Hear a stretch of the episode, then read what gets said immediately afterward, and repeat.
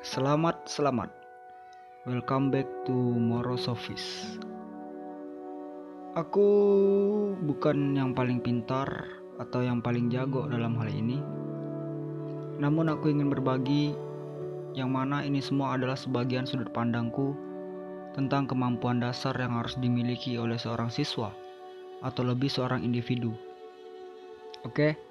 Yang pertama, kemampuan logika. Logika adalah alat berpikir.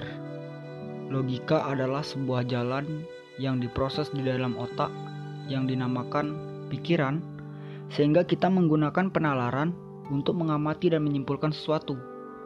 Untuk itu, penting sekali mengasah logika kita agar tidak mudah disetir atau dikontrol oleh orang lain. Oh ya, bedakan logika dengan emosi ya. Kedua, kemampuan dialektika. Dialektika berasal dari kata dialog yang mungkin sederhananya adalah percakapan yang berarti hubungan dua arah antara aku dan kamu, dia dan kamu, aku dan dia, ya dan lain-lain.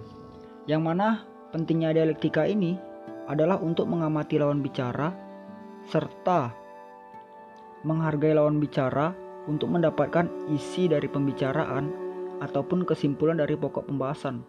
Karena jika dialektika kita buruk, ini berakibat debat kusir yang atau obrolan yang menjadi egoisme yang yang aku ingin menang dan kamu ingin menang.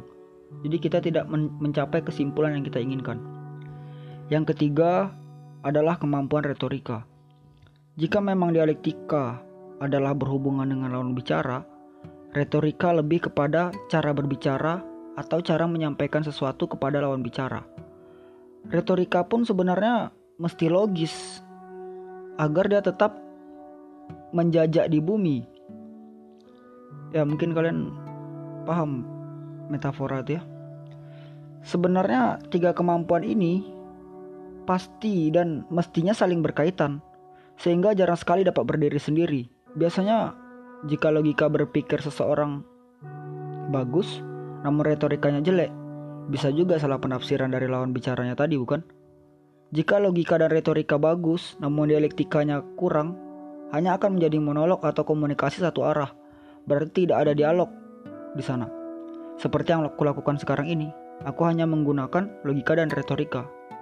Jadi, ketiga kemampuan ini yang mestinya sebagai seorang siswa, pelajar, ataupun sebagai seorang manusia kita mesti mempunyai kemamp tiga kemampuan ini.